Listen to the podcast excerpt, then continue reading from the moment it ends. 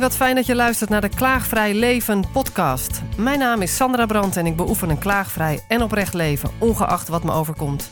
Ik ben nieuwsgierig in hoeverre onze mindset ons leven bepaalt. Volg mijn zoektocht naar de antwoorden en ontmoet bijzondere gasten met een inspirerend verhaal in deze serie podcasts.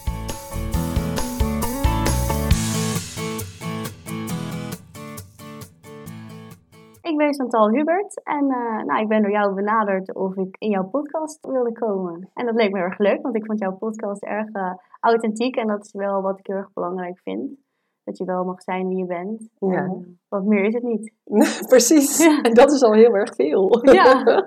ja, ik ben altijd erg op zoek naar de mens achter het verhaal. En uh, ik ben er nooit zo van om zomaar uit boekjes dingen te horen, maar liever uh, ja, jou ontmoeten. En ik heb je via LinkedIn uh, gevonden. Ja. Dat vond ik een, uh, een mooie post van jou. En ook de titel van jouw boek, die sprak mij direct aan vervolgens. En de titel is... Macht eruit en veiligheid erin. Macht eruit, veiligheid erin. Dat is een doordenker en, en hij voelt meteen goed. jij bent ook verpleegkundige, ja. ook niet meer zo actief op dat vlak, maar wel met een berg ervaring en een heldere blik en heb daar uh, aan de hand daarvan een boek geschreven, heb ik begrepen. Ja, klopt. Ja, en ik vond jou, uh, ja, jouw zienswijze zo helder en uh, aansprekend. Ik dacht, jij moet gewoon dat podium op om je verhaal te doen. Dus vandaar dat je hier zit. Ja, leuk dat ik hier mag komen. Aan de keukentafel. Waarmee zullen we starten? Wat vind jij een mooie ingang? Um, nou, ik denk dat het misschien wel leuk is om wat te vertellen over hoe het boek is ontstaan. Ja. Ik ben denk ik 13 jaar werkzaam geweest als verpleegkundige en ook als leidinggevende. En daarin heb ik gewoon heel, een hele waardevolle les geleerd. En dat is eigenlijk dat de intentie van het leven liefde is, in de breedste zin van het woord. Omdat ik gewoon heel veel gesprekken had met mensen tijdens ja, het overlijdensproces. En dat die hmm. gesprekken gingen eigenlijk altijd maar over drie dingen. Liefhebben, geliefd zijn en vergeving. En dat gaf me eigenlijk een heel ander perspectief op het leven. Want het gaat dus eigenlijk heel erg over gewoon jezelf zijn authentiek mogen zijn, maar ook anderen de ruimte geven om zichzelf te zijn en authentiek te zijn. En dat als je elkaar echt kunt zien, je talenten van elkaar kunt bundelen en dat je dan samen met elkaar het verschil kan maken in de wereld. En in de zorg kwam ik er gewoon achter dat het heel hiërarchisch is, maar dat er dus heel erg weinig ruimte is voor authenticiteit en voor wie je eigenlijk bent. En dat er daardoor ook weerstand komt op de werkvloer, maar dat er ook onderling op de werkvloer gepest wordt. En dat er dat, dat heel weinig erkend werd. Dus ik vond het heel belangrijk om daar zelf ook op de werkvloer tegen in te gaan of er vragen over te stellen. Mhm. Maar ook daar meer aandacht te geven uh, door er ja, contentstukjes of posts over te schrijven en uiteindelijk ook een boek over te schrijven. Mm en uh, ja, toen ik dat deed, kwam ik er ook achter dat het heel veel meer mensen aansprak. Dus dat het misschien eigenlijk wel gewoon in het leven ook is. Dat we gewoon eigenlijk elkaar moeten gunnen dat we authentiek zijn. En dat het iets goeds is en niet iets engs. Mm Wauw, dat is een mooi verhaal. En waar, waar werkt je? In wat voor branche? In de verpleeg... Ik werkte in de verpleeghuiszorg. En dan vooral op de psychogeriatrische afdelingen. Mensen met dementie. En ook wel psychiatrische afdelingen. Ja, en daar was je ook leidinggevende? Ja, van een aantal wel. En een aantal heb ik ook gewoon als verpleegkundige gewerkt. Mhm. En hoe vertaalde dat in jouw werk als uh, leidinggevende? Dat Deze inzichten? Ja, dat was te gek. Want toen kon ik eindelijk die visie gaan uitrollen, uitproberen en verder ontwikkelen. En je begint helemaal te openen, zie ik ja, aan Ja, dat vond ik echt heel leuk. En toen zag ik ook wat voor resultaat het had. En dat het dus echt werkte. Dus als ik mensen echt zag en oprechte aandacht had dat er talenten zichtbaar werden, dat mensen dus authentiek werden en dat ze vervolgens die talenten konden benutten en met passie weer hun werk uit gingen voeren. En het was bizar hoe je dan startte met een team en hoe je dan een drie, vier maanden later tegenover zo'nzelfde team staat. Dat je echt dacht, huh, dit zijn dezelfde mensen, maar ze zijn toch echt allemaal nu veel meer actief en betrokken en uh, ja, veel meer energiek ook. Zeg maar met passie nu aan doen wat ze liefst doen. Dat is een droom die je zo eventjes uitspreekt. Ja. Lijkt me. Ja. Voor vele leidinggevenden die dat ook zouden willen bewerkstelligen. Ja. Hoe doe je dat dan? Ja, dat is echt zien. Dus mensen echt zien. Dus ook aanvoelen. Dus ik denk ook wel intuïtief leiderschap. Uh, bijvoorbeeld als ik bij een overdracht kwam, dat ik al ja, je kon soms al zien hoe iemand zich voelde. En als ik dan zag dat iemand zich niet fijn voelde of iemand sprak het uit, dat ik iemand gewoon even apart nam van, gaat het? Kan ik iets voor je doen? Heb je iets van me nodig vandaag om de dag door te komen? Of is er misschien iets anders aan de hand? En dan kwam er vaak wel snel naar voren wat er aan de hand was, maar dan kon je ook snel faciliteren. Al meteen bij de start. Ja. Mhm. Dus dat gaat op het persoonlijk vlak. Dus dat je invoelt wat er aan de hand is met iemand, of dat iemand niet helemaal lekker zit. Ja. En dat je daar direct op ingaat. Ja. Als mens, mens op mens eigenlijk. Eigenlijk is dat het enige wat je doet. En daardoor gaat de kwaliteit vanzelf omhoog. Ja, dus aandacht geven. Ja. Aandacht geven wat aandacht nodig heeft. En dan zie jij dat mensen hun kwaliteiten beter gaan benutten. Ja. En krachtiger in een team komen te staan. Ja. En wat kreeg je terug? Eigenlijk heel veel dankbaarheid. Ik weet nog heel goed dat ik ergens startte. Dat vond ik een heel pijnlijk moment eigenlijk. Omdat het me echt deed beseffen dat, dat het echt heel erg nodig is. Het was een uh, afdeling en er was gewoon heel veel aan de hand. En ik begon daar en ik vroeg eigenlijk gewoon aan een collega verpleegkundige van... Uh, hoe gaat het met je? Omdat ik voelde, zij zit heel hoog in haar stressniveau. Misschien kan ik iets voor haar doen. En ik vroeg haar, hoe gaat het met je? En ze begon te huilen en ze zei, dit heeft nog nooit een leidinggevende aan mij gevraagd. Mm -hmm. Pijnlijk, hè? Ja, dat vond ik echt, dat, dat is heel schrijnend. Dus jij wordt heel gelukkig van op die positie dan? Ja, en toch merk je dat je het op kleine schaal dan kunt veranderen, maar dat het verder dan toch niet opgepakt wordt, zeg maar. Dus ik kan het op een kleine afdeling of als ik een locatiemanager heb die het ook die visie deelt, dan kun je het veranderen op een locatie, maar daar stopt het. Dus het, ook al zijn de resultaten en de cijfers positief, mm -hmm. dan nog wordt het niet verder uitgedragen binnen mm -hmm. een organisatie. Dus daar zit je, je missie of je wens om het groter uit te dragen, maakte dat een stukje ontevredenheid, dat het niet zo kon. Ja, ontevreden vind ik dan lastig, omdat dan is het met, en dan ja, is het meer een soort van oordeel dan meteen. Terwijl ik dan denk, ja, maar waarom willen ze het niet aannemen? Dat is dan ook de vraag. Wat is er dan aan de hand dat mm-hmm. ondanks dat we zien dat dit werkt, dat we het toch niet aannemen? Wat maakt dan dat een bestuurder of een directeur toch zegt, nee, dat is te kritisch of te ingewikkeld of dat ja. stukje moet je maar even met jezelf oplossen of zo. Ja. Waarom is het dan lastig om iemand te horen of te zien naar wat, er, ja, wat voor resultaten er ook zijn. Ja, dus dat had jouw interesse gekregen. Ja, dat had mijn interesse gekregen, ja. Dus ik kan me voorstellen als je eerst als verpleegkundige werkt op een afdeling, dat je het één op één als uh, met je mede-collega kan toepassen. En terwijl als je op een leidinggevende positie zit, voor de hele groep aan de gang kan. Dus dat is al een stap verder. Dus dan kan je al meer bereiken. Maar toen je dat eigenlijk kon bereiken, kreeg je ook zo'n kriebel van ja, maar kunnen we niet door? Dan heb je misschien een locatiemanager die wel meegaat, maar hoe krijgen we dan verder hoger op binnen het organogram? Uh, zodat de hele organisatie meedoet. En daar stopte het een beetje.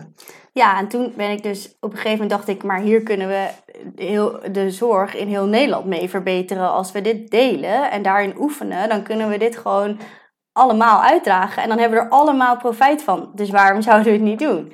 Dus toen heb ik de, de koningin een brief geschreven met de vraag of ze het alsjeblieft onder de aandacht wilde brengen bij iemand op een positie die hier wat mee kon, met de visie dan meegestuurd. En toen werd ik dus gebeld door Connie Helder. Uh, maar wat ik daar eigenlijk terugkwam, was eigenlijk dat het een beetje lastig was dat ik, had gebeld, dat ik die brief had gestuurd. Want dan, ja, het is logisch dat als ik een brief stuur, dat zij me dan moest bellen. Dus toen, ja, dat was ook echt heel jammer. Want toen dacht ik, je vraagt nu helemaal niet naar die visie. Er is nu helemaal alsnog geen aandacht voor. Dus wat de oplossing is, wat ook jou kan helpen, wat iedereen dus kan helpen. Dus dan merk je ook al, ja, als ik, waar moet ik nog zijn om de aandacht hiervoor te krijgen? Ja, ik kan me voorstellen dat het een beetje een eh, padstelling begint te worden op een gegeven moment, maar dat je toch ook verder wil. Dus hoe ga je daarmee om? Nou, door, door vooral dan maar te blijven doen vanuit liefde uh, in het klein. Want al maak ik dan maar voor, voor uh, één locatie of voor een paar afdelingen het verschil, het is in ieder geval al gewoon een heel mooi verschil. Ja. Hey, en je had het over een methode die je zelf had ontwikkeld. Die staat waarschijnlijk ook in je boek. Ja, wil je daar wat over vertellen? Ja, dat is dus de AAP-methode, heb ik ervan gemaakt. En dat is eigenlijk aandacht, authenticiteit en passie. En dat betekent dus eigenlijk vanuit oprechte aandacht worden talenten zichtbaar, waardoor authenticiteit mag bestaan. En vanuit die authenticiteit kan iemand met passie doen wat hij het liefste doet. Ja, wat een mooie samenvatting van ook wat je echt zelf hebt toegepast. Want ben je daar dan nu helemaal mee gestopt met het werk in de zorg? Um, ja, wel nu met het stop werk in de zorg, maar ik doe daarnaast nog, geef ik coaching aan mensen en uh, pas ik dit nog steeds toe. Ja, hoe doe je dat voor degenen die nu geïnteresseerd zijn en met jou aan de haal willen? ja, dat zijn mensen die je kunt gewoon een DM sturen of een berichtje en, of via mijn website en dan... Uh... Als teamcoaches misschien? Nou, ook gewoon eigenlijk meer individueel. Het zijn wel veel mensen uit de zorg die me dan benaderen. Maar dat is. Ik kan me voorstellen dat leidinggevenden uit de zorg daar meer van willen weten, hoe je ja. dat aan hebt gepakt. Nou, die kunnen mij zeker berichten en dan ga ik heel graag met ze in gesprek. En dan, ja. uh... Want macht eruit, veiligheid erin, van waar die titel? Vertel. Heeft dat te maken met die, um, nou ja, wat je vertelde, de financiële uh, drang die er zit bij de leidinggevende, uh, waar je op afgerekend kan worden? Ja, waar ik, begon, ik begon natuurlijk als verzorgende en later ook als verpleegkundige gewoon echt op de werkvloer. En wat mij altijd opviel was, als er een leidinggevende kwam, dan dook iedereen zo wat een kast in. Omdat ze dachten, oh jee, mijn god, wie heeft er nu wat fout gedaan en wie is nu de lul? Dus fouten maken was gewoon iets wat we niet mochten doen, want dan was er een probleem. En ik merkte op een gegeven moment dat er in, binnen teams ook informele leiders opstonden. En dat er bepaald pestgedrag naar elkaar ook ontstond. En eerst vond ik dat, dat ik dacht, we zitten toch niet meer op de middelbare school. Maar later dacht ik, maar ik snap, begin te snappen waar dit vandaan komt. Want het is eigenlijk gewoon angst en onzekerheid voor, voor je eigen positie. En kun je daar voorbeelden van noemen van wat voor pestgedrag dat was? Nou, het ging dus toch over dat bijvoorbeeld met elkaar afspreken om de beurt naar de leidinggevende gaan om te zeggen dat één iemand in het team die we niet leuk vinden heel slecht is, zodat die eruit gewerkt wordt. Als, ik kreeg laatst zelfs nog een berichtje van een collega uh, waar ik voorheen mee heb gewerkt, die stuurde ja, ik had een fout gemaakt. Daar hebben ze foto's van gemaakt en dat hebben ze helemaal rondgestuurd. Uh, via de social media worden er, gebeuren er nare dingen echt van, ja, van alles. Het, zijn best wel, het gaat best wel heel ver en het wordt eigenlijk te weinig erkend hoe ver dat kan gaan. Mm -hmm. En waar heeft dat vooral mee te maken? Nou, vanuit dus, dus angst. Hmm. Angst om te mogen zijn wie je bent en hmm. angst om fouten te maken. En dan kun je heel makkelijk zeggen, ja, maar dan doen de managers iets niet goed of dan doen de directeuren iets niet goed. Maar ja, toen werd ik later teamleider en toen kwam ik erachter, ja, maar die managers worden afgerekend op cijfers die niet goed zijn. Dus als hun cijfers niet goed zijn, krijgen hun op hun donder. Dus wat je vervolgens krijgt, is dat de managers uh, vanuit autoriteit gaan reageren en macht reageren op de werkvloer. Maar de directeuren reageren ook weer vanuit autoriteit en macht. En angst. En angst. Dus het is een, eigenlijk een, van, van boven tot beneden is het een doorwerkend proces waarin eigenlijk heel veel angst is en onzekerheid. Dus je zou zeggen, macht wordt gebruikt zodra er angst in het verhaal komt. Zodra mensen, ja, ik denk zodra mensen hun uh, status denken te verliezen, of dat het in gevaar komt, of dat ze ja, hun, hun positie kwijtraken, dan gaan mensen soms gekke dingen doen. En sommige mensen gaan dan zelfs ook overlijken. En ik denk dat dat eigenlijk ook heel verdrietig is. Zeker, ja. Want ik wil dat niet meteen afkeuren, omdat ik denk dat achter elk gedrag een reden mm schuilt. Nou, het is interessant om dat te onderzoeken sowieso, hè? Maar ik vind het ook uh, ja, altijd mooi om daar verder op in te zoomen van... Dus op het moment dat er angst in het verhaal is, gaan mensen macht gebruiken als optie. In plaats van te verbinden vanuit wat je ervaart of waar je bang voor bent misschien. Ja, juist vanuit die kwetsbaarheid, denk ik. Want hoe zouden de cijfers eruit zien als iedereen zo leiding zou geven zoals jij dat deed?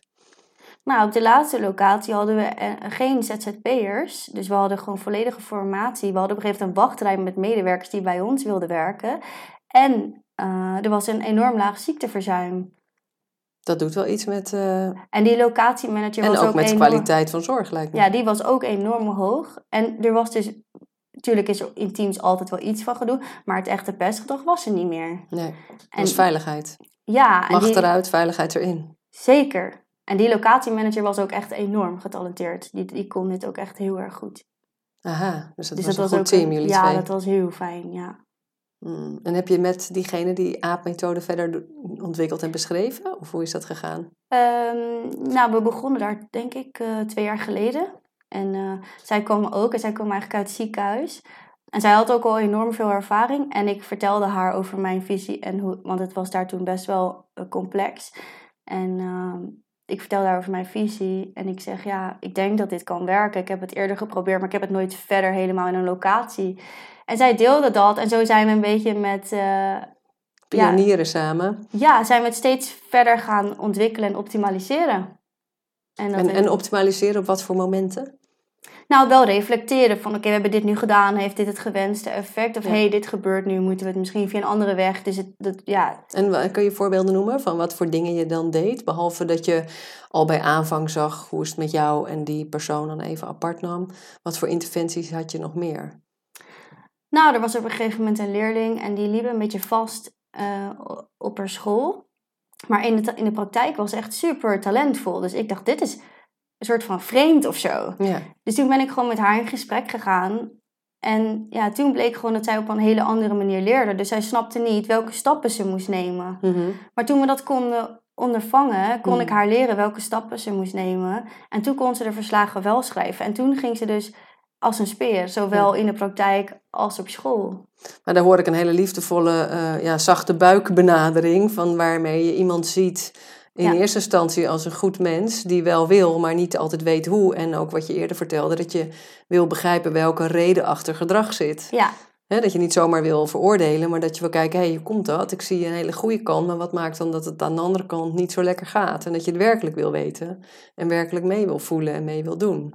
Ja, ik denk gewoon niet kijken vanuit een oordeel, maar ook niet kijken vanuit fout of, of goed of fout. Mhm. Ik denk dat dat het allerbelangrijkste Ja, en is. nieuwsgierig blijven Ja. van waar zit jouw kracht dan? Samen ja, zoeken. En, en wie ben jij als mens en wat zijn jouw talenten dan? En hoe kunnen we die dan eh, tot z'n recht brengen? Ja. ja, mooi. Dat is een hele mooie basisinstelling, hè? Heb Ja. je die altijd zo gehad? Ja. Ja, mensen zien, horen en waarderen. Mhm. Dat is wel echt heel erg belangrijk. Dat is ook waar je het voor doet als je in de zorg gaat. Zou je denken? Ja, maar ik denk dat ik zelf ook al heel jong heb geleerd dat ik ben zelf heel erg veroordeeld. eh, Ja. Vroeger. Dus ik wist op een gegeven moment ook wel. Vanuit school? Ja, Ja. ja, vanuit school. Want eh, ik ben hoogbegaafd, Mhm. maar dat is uiteindelijk niet erkend op school. Dus daar was ik gediagnosticeerd als verstandelijk beperkt, maar dan serieus. Dus dat heeft mijn hele loopbaan beïnvloed. En de constant word je beoordeeld op dingen. Eh, en bij hoogbegaafd denken mensen vaak dat ben je Einstein en kan je alles en eh, ben je beter dan anderen. Maar dat is absoluut niet zo. Je Nee. denkt gewoon ja, anders, intens en snel. Ja. Dus alles werkt gewoon anders. Maar mensen oordelen vaak op wat ze zien, Ja. maar kijken niet verder dan dat. Dus nou, ook- zeker als je het zelf niet eh, herkent en niet Nee. weet, dan zit je dus in een setting, zoals ik zat ook eh, op de MAVO, waar ik eigenlijk helemaal niet thuis hoorde. Nee. En in de pauze zocht ik de VWO'ers op, waarmee ik ook in het schoolorkest zat. En daar voelde ik me goed bij, maar voor de rest dook ik in eh, de bibliotheek weg. En eh, waar je eigenlijk niet mocht zitten, maar ik had zo mijn gangetjes om erheen te lopen stiekem. Ja. Eh, maar, maar ik dacht serieus dat er met mij wat aan de hand was. Ja. Totdat ik later in de verplegingsopleiding een docent rekenen aansprak na de les van dat hij iets verkeerd had gedaan. En daar kwam ik nog een keer op terug. En toen bleek ik gelijk te hebben. En toen zei, hij, toen zei ik nog van, nou ja, en dat voor een MAVO-leerlingetje, zei ik, hè, met mijn lage zelfbeeld. Waarop hij zei, nou, jij bent helemaal geen MAVO-leerling. En toen liep hij weg en toen wou ik nog er tegenin gaan. Maar ja, hij was al uit beeld. Dus ik moest een compliment eigenlijk eh, te harte nemen. Ja. Toen ben ik langzamerhand gezien van, oh, misschien had ik daar helemaal niet moeten zitten, joh. En uiteindelijk zat ik op de universiteit met eh, statistiek te goochelen met, eh, ja. nou ja, de Gie-kwadraattoets en wat er allemaal voorbij kwam. En dan haalde ik een, een 9 voor wiskunde VWO nog eventjes vooraf. Ik wist niet wat ik meemaakte, maar ja, dan ben je dus wel een hele periode van gepest worden en een negatief zelfbeeld ben je alweer verder. Ja, en het is super verdrietig, want je wordt veroordeeld op cijfers of op competenties waaraan we moeten voldoen. Ja, Terwijl als je kunt zijn wie je bent en vanuit talenten mag doen wat je graag wil doen. nou en als je echt gezien wordt van iemand die het ook iets kan, hè, Ja, Maar eh, als je, dat, als je in, met docentencontact het niet lekker loopt, ja, dan haal je slechte cijfers. En dan ben je dus slecht in Engels en slecht in wiskunde. Terwijl als je even later een goede docent hebt die je echt ziet en waarmee je alleen met volwassenen in de klas zit, dan haalde ik een 9 op VWO-niveau. Ja, ik wist niet wat ik meemaakte. Op de MAVO een 5, hè? Ja. ja, omdat je alles moet doen op eenzelfde manier. ja. Maar ja, het hoeft Nou niet ja, om en in een setting waar je heel ongelukkig voelt. beide. En als dat niet wordt, ja, niet gezien en niet wordt erkend. Ja. Maar en, en het mooie is, het vormt je ook weer. Want omdat je dat hebt meegemaakt, en omdat ik zoiets heb meegemaakt, vormt het je weer in een later leven. Je houdt er toch een extra, je hebt er nu een extra uh, zintuig voor, zeg maar, voor pestgedrag. En uh, of er werkelijk naar je gekeken wordt of naar anderen. Ja, en ik denk dat het me ook minder raakt nu als ik zelf een oordeel ontvang. Omdat, ik, Hmm. omdat ik dan toch wel denk, oh, want dan vind ik het dus interessant waarom de ander zo dat oordeel heeft. Ja, waar is de ander je- getriggerd? Ja, wat heb ik dan gedaan in mijn gedrag? Wat doet dat met de ander en hoe Ja. verhoudt zich dat? Dat geeft al een heel stuk vrijheid, ja. Ja. Hoe is jouw boek opgebouwd? Ik ben begonnen vanuit een korte in, ja, introductie, zeg maar, en dan een, eh, ja, de visie. En daarna heb ik allemaal ja, kleine voorbeelden van wat er gebeurt als je het anders kunt bekijken. Wauw, dat werkt lekker als je, voor de lezer. Ja. Hoe lang heb je over gedaan om het te schrijven? Een nacht. Toen was het er. Ja, ik, ik deed een, eh, een zangopleiding en ik werd daar eigenlijk weer veroordeeld om wie ik was en dat ik anders leerde. En ik kreeg zelf het advies om, om daarmee eh, te stoppen, omdat ze geen andere dingen wilden aanbieden, niks wilden aanpassen. Het moest gewoon op één manier. Dus het advies was, ja, je kan beter stoppen, want je gaat te snel voor de stof die hoe we dat jou aanbieden. En eh één docent zou mij dan helpen. Uiteindelijk ging die me ook niet helpen, want toen had ze geen tijd. Ehm, maar wat ik daar toen besefte ik me gewoon hoe belangrijk het was om, om dit gewoon te bespreken. Omdat het op zoveel plekken gebeurt. Dit. We oordelen, we plakken stempels. Mhm. En dan is iemand weer afgeschreven. En We missen zoveel informatie zo. Ja, en ik was eerder ook het een gesprek aangegaan die school over, dus die visie. En het werd ook niet gepakt. Dus toen dacht ik, Op die De- school, wat bedoel je? ja, op die zangopleiding, dat, dat werd, het, werd die visie ook niet gepakt. Dus toen dacht ik, het is ook alweer interessant waarom we, daar, waarom we dat dan niet doen. Dus ja, ook nogmaals, zeggen, ook hun hebben allemaal hun best gedaan. Nou, ik denk toch dat het voornamelijk komt omdat men dan wel getriggerd is ergens in. En het dan afhoudt omdat er iets in zich getriggerd is. Precies. En waarom kunnen we het dan... Ik denk al, ik geloof heel erg in dat als je een probleem aankijkt, dat, het, dat je het op kunt lossen. Mhm. Als je al de mogelijkheid hebt om het aan te kijken. ja. Maar dan moet het daar wel beginnen. En als je al merkt dat het niet aangekeken wordt, Ja. dan weet je dat de volgende stap voorlopig nog niet gemaakt Nee, wordt. Dus ik denk eens. dat soms ook de kracht dan juist zit in zaadjes planten. Ik kan het niet veranderen, Nee. maar ik kan wel mijn zaadjes neerleggen. En dan hoop ik. Nou, en waarheid spreken. Hè? Zoals eh, Matthias Desmet Ja. zei, dat het zo belangrijk is dat je wel waarheid spreekt. En het gaat er niet om dat jij eh, altijd aan diezelfde waarheid vast zal houden. Want volgend jaar denk je misschien wel iets anders, maar je mag wel altijd je woord zeggen waarvan jij voelt, dit heb ik wel te zeggen. En dan moet je soms even door een vlies doorprikken, zoals hij ook zegt, van een bepaald beeld wat mensen van je hebben. Een soort perfect beeld of zo. Ja, daar moet je soms doorheen prikken of doorheen gaan. Dat is even moeilijk, maar om wel waarheid te spreken. Iets wat jij voelt dat je te zeggen hebt. En dat doe Ja. je dan ook naar zo'n zangschool. Ja, dat is niet eh, halleluja voor iedereen. En voor jou misschien Nee. ook niet, maar je voelt wel, je moet het wel zeggen. Ja, en met de beste intentie. eigenlijk om te helpen. eh, ook om hun die strukkel te voorkomen. Ook voor de volgende keer. Mhm. Maar ja, ja, die waarheid zorgt dat het, die waarheid niet aankijken zorgt er ook voor dat je nu symptomatisch je probleem oplost, want je stuurt mij weg. Ja, Maar en de volgende weer. ja, alleen het probleem wordt niet echt opgelost, Nee. want hij blijft terugkomen. Ja. Dus de waarheid niet aankijken betekent dat je het op elke hoek van de straat weer tegenkomt. Ja. Ja, En dat vind ik dan ook heel verdrietig, want ik zou mensen dus heel erg gunnen dat ze dat wel kunnen zien en dat ze daar ook mee kunnen zijn. En, Nou ja, mee kunnen spelen misschien zelfs Ja. op een leuke manier. Want, En- want het, het vraagt ook een stukje eh, willen spelen eigenlijk met eh, een, een, een creatieve manier van kijken naar dingen. Dus niet een standaard eh, les afdraaien elke keer weer, maar natuurlijk een soort schijnveiligheid. Zo heb ik mezelf eh, gezegd een aantal jaren geleden al. Als ik word gevraagd voor een lezing of een training, wil ik niks meer doen wat ik op de plank zou hebben liggen. Dus ik doe nooit meer een PowerPoint, ik doe nooit meer standaard dingen. Nee. En het is altijd weer spannend, er is altijd weer plankenkoord, er is altijd weer faalangst als je het zo wil labelen. Maar het houdt me scherp en echt, ik blijf stick to the plan van ik wil het echt volledig in tune met wat er nodig is in plaats van wat er gevraagd wordt. Wat Wil ik gewoon voelen wat heeft dit team nodig in het voortraject, maar ook weer in het moment wil ik bereid kunnen zijn om bij wijze van spreken alles weer los te laten en te voelen. En nu, wat is er nu weer nodig voor deze groep? Mooi. En daarin mee te bewegen. Ja, en dat is volgens mij waar het gewoon over gaat. En dat betekent dat er soms discomfort is. Maar ik denk Absoluut, dat ja. Die, ja, maar ik denk dat daar dus de groei in zit. Als je dus kunt zijn. En de connectie. Met, ja, de enorm. echte connectie.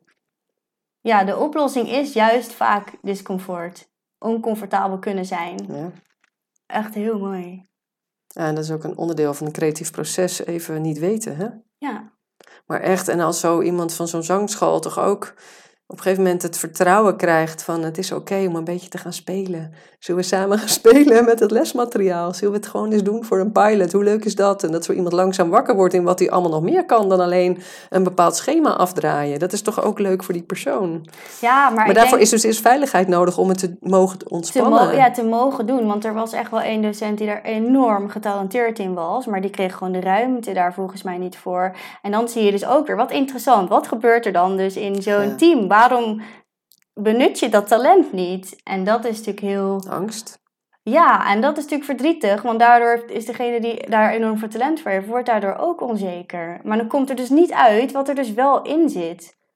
En dan stagneer je dus eigenlijk soms, denk ik, door, door, door die waarheid en die oncomfortabelheid niet aan te kijken, ontneem je niet alleen jezelf, maar ook je bedrijf en je hele team, maar ook in dit geval je studenten of je uh, collega's, de kans om te groeien. Ja, mooi gezegd. Het vraagt heel veel moed ook om, Ja. met, om, om met het discomfort gewoon wel aan de hand te mogen gaan spelen, experimenteren. Het gewoon te gaan doen. Het vraagt echt heel erg veel moed. Want ik kan inderdaad zeggen, ja, die docent wordt als het ware tegengewerkt door collega's of door, de, door het team. Ja, en het doet een beroep op zijn of haar moed om toch te blijven staan voor wat diegene vindt dat er nodig is. Ja. En daarmee een enorm voortrekkende rol te kunnen gaan spelen. En dat, dat heeft even tijd nodig. Misschien moet hij een paar keer in deze discomfort terechtkomen om uiteindelijk dat te kunnen doen. Daar Ja. is echt veel moed voor nodig. Ja.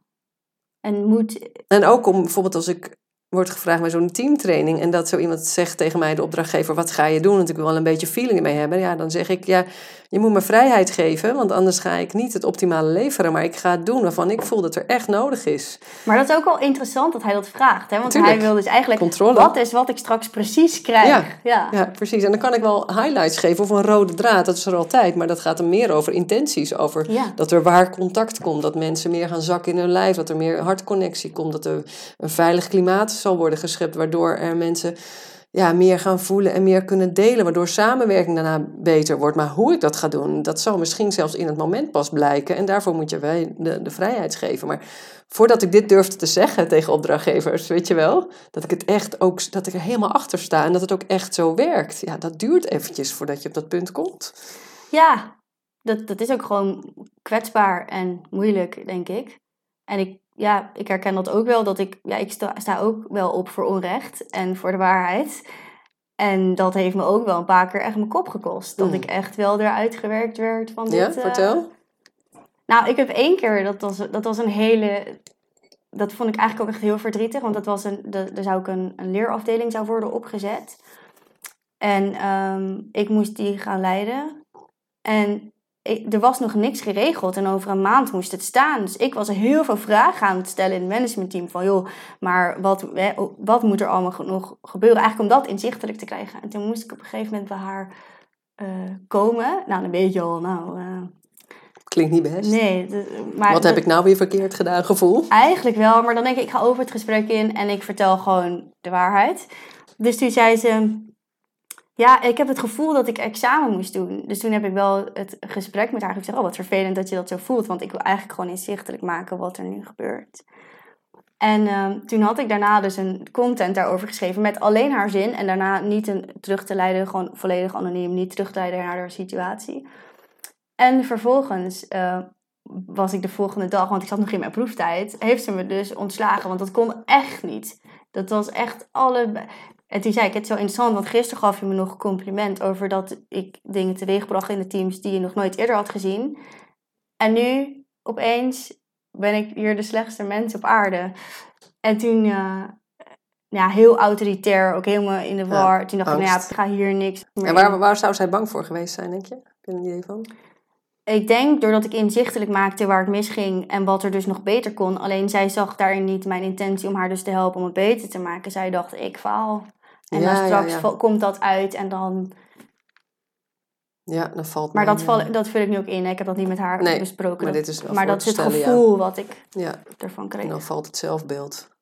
Ja, ja, en vervolgens kom je dus op een andere locatie, vind je een andere locatie, maar dan krijg je wel de ruimte en dan zie je het succes. Dus dat, het, is een, het is eigenlijk helemaal niet zo belangrijk wat andere mensen over je denken of van je vinden. Het is eigenlijk volgens mij steeds belangrijker wat je ermee doet en hoe je ermee omgaat.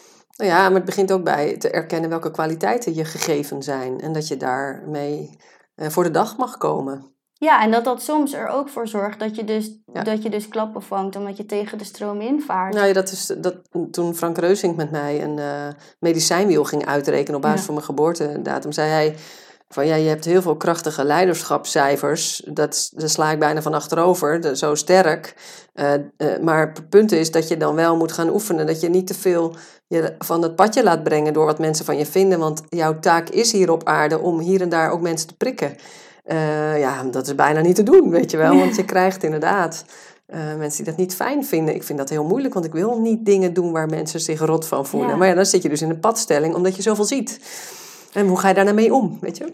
Ja, en ook soms help je mensen door door juist te prikken.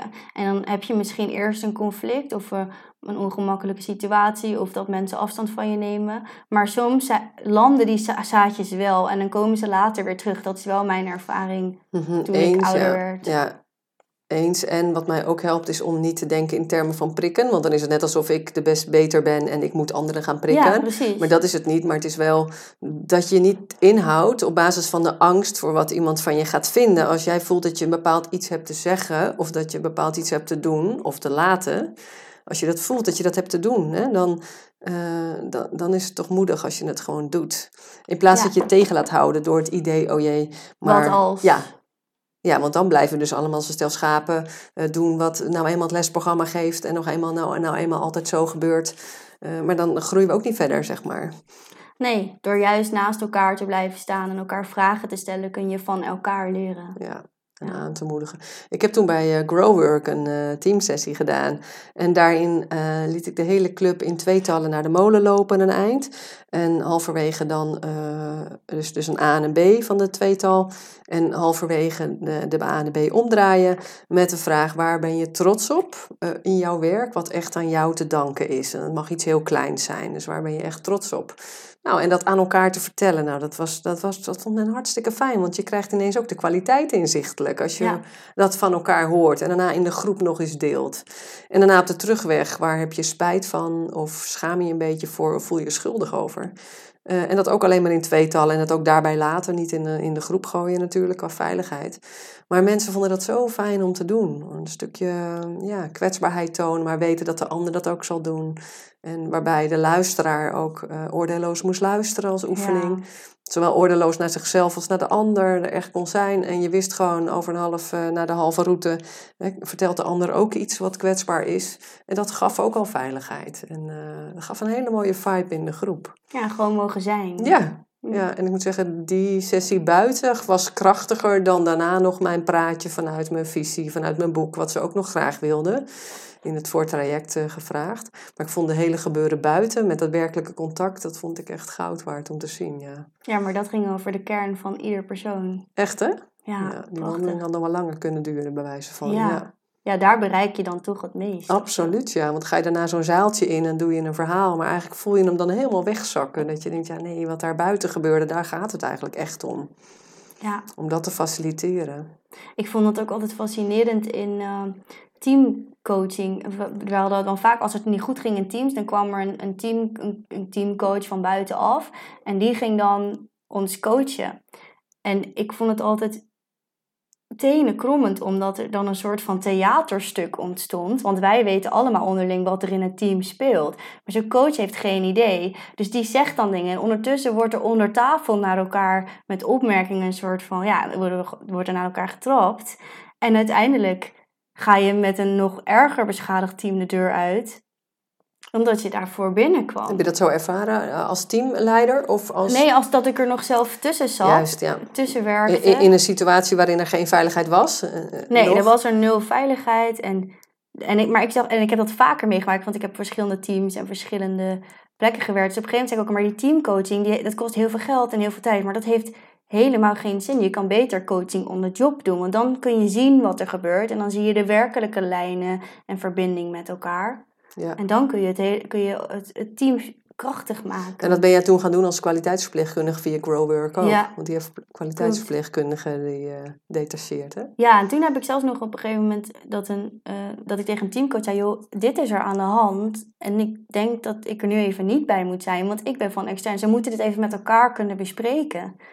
En dat zij toen ook helemaal flipte. En jij stagneert door dit proces, want jij stapt nu uit. Ik zeg nee, deze sessie. De volgende kan ik er weer. Ik, er is iets anders aan de hand. En er werd ook niet gehoord. Maar dat is zo jammer, want vervolgens schaadt dat dus een team. Mm Wat schaadt dan een team? Nou, dat ze onderling, op dat moment hadden ze gewoon behoefte aan onderling hun angst ook uitspreken. Zonder jou erbij. Ja, we gaan hier nu allemaal dingen veranderen. En dat vinden we eigenlijk allemaal gewoon heel eng. En wij willen ook graag nog regie. En zij hadden gewoon nodig dat ze dat even met elkaar, met die coach konden bespreken. Want dan kon zij er ook uitpakken. Maar waarom zijn jullie hier nou bang voor? En wat maakt nu dat jullie dit moeilijk vinden? Dan hadden we tot de kern kunnen komen. Ja. En dan had ik er later bij gekund en dan had je het weer kunnen verbinden. Mhm. En nu moest ik dat uiteindelijk zelf doen en dat ging natuurlijk gaandeweg ook wel. Maar dat was echt heel jammer dat ze mhm. vanuit een verwijt keek in plaats van dat ze de verbinding met mij maakte om het, wat, het, doel wat we allebei hadden. En volgens mij ben jij heel krachtig in weten wat, wat je ervaart, wat klopt en daarvoor blijven staan. En dat is toch iets dat we met z'n allen veel meer zouden mogen ontwikkelen. En wat nog te veel triggert en mensen in, uh, in het harnas jaagt, of hoe zeg je dat, uh, in, in, de weerstand. Uh, terwijl daar, daar, dat, daar zit precies volgens mij het stuk wat we met z'n allen meer en meer mogen ontwikkelen. Want wat krijgen we dan voor wereld, weet je?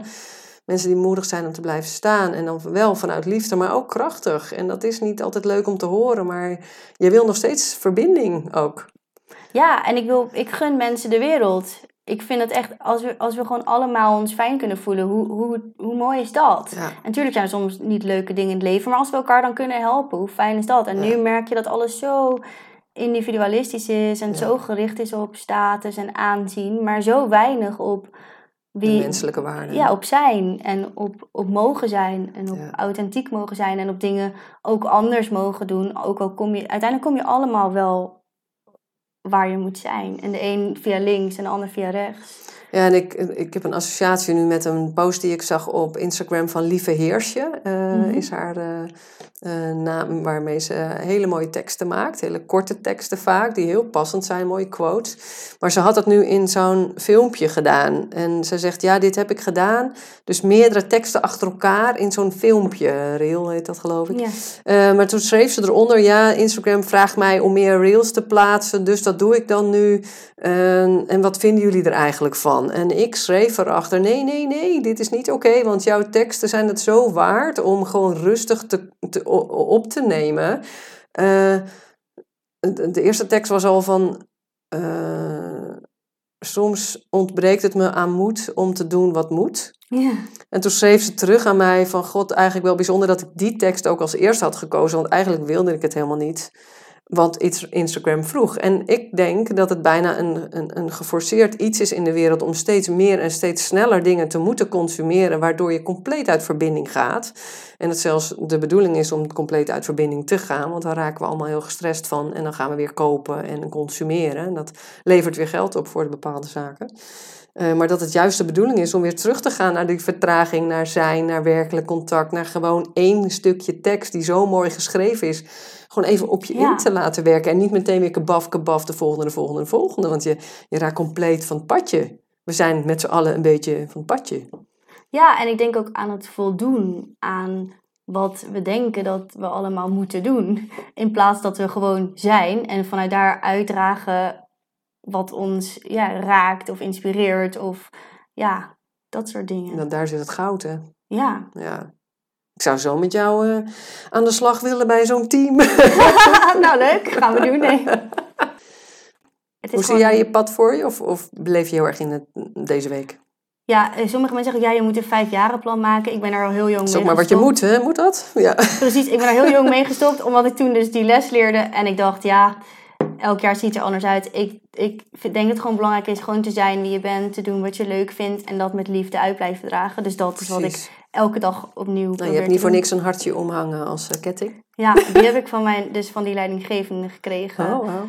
Omdat die, dat was eigenlijk de eerste die eh, in me geloofde. Dus eh, Zo, dat was heel lief. bijzonder symbool. Dus die, ja, dus die draag ik ook altijd mee. De eerste die in jou geloofde. Nou, die visie en dat we het Ja. echt zo groot hebben kunnen uitdragen.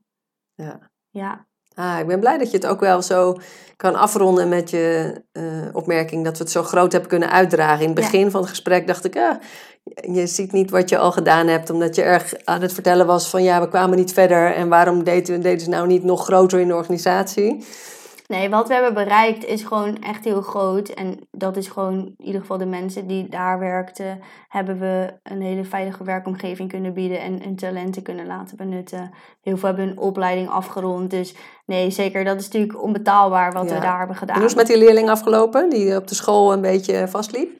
Die is bijna klaar. Ja, cool. Ja, en die is enorm getalenteerd, dus die gaat ook nog wel verder. Dat is Ja, ook echt heel leuk. Dat kan je dan echt zien, hè? Ja, Ja, mooi. Ja, je ziet het bij jezelf en je ziet het bij anderen. Ik denk dat is een mooie volgorde ook.